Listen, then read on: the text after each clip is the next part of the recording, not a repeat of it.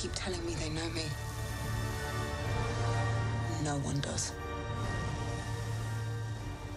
Setelah tahun 2019 yang bersejarah bagi Walt Disney Company, perusahaan itu mengawali tahun baru dengan pencapaian baru. Long have I waited. And now you're coming together. Menurut perkiraan studio hari Minggu, Rise of Skywalker menghasilkan 33,7 juta dolar pada akhir pekan ketiganya di bioskop-bioskop Amerika dan Kanada sehingga hampir mendekati perolehan total 1 miliar dolar dari seluruh dunia. Look, sir. At my. Film itu kemungkinan akan menjadi film Disney ketujuh yang dirilis 2019 yang meraih 1 miliar dolar. Oh my god. Wait.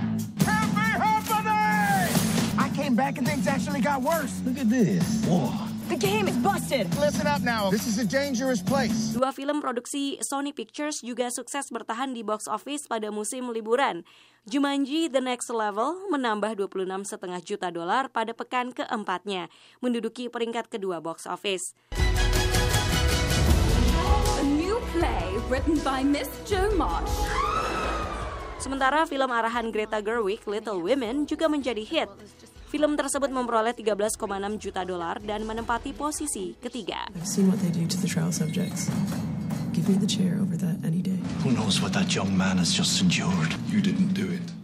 Satu-satunya film baru akhir pekan kemarin juga diproduksi Sony, The Grudge, film horor yang dibuat ulang dari 2004 dan diproduseri Sam Raimi dibuka dengan 11,3 juta dolar dan ada di urutan keempat. Elsa, the past is not what it seems. Dan mengisi peringkat kelima box office Amerika Utara adalah Frozen 2 dengan 11,3 juta dolar. We must hope. They are enough.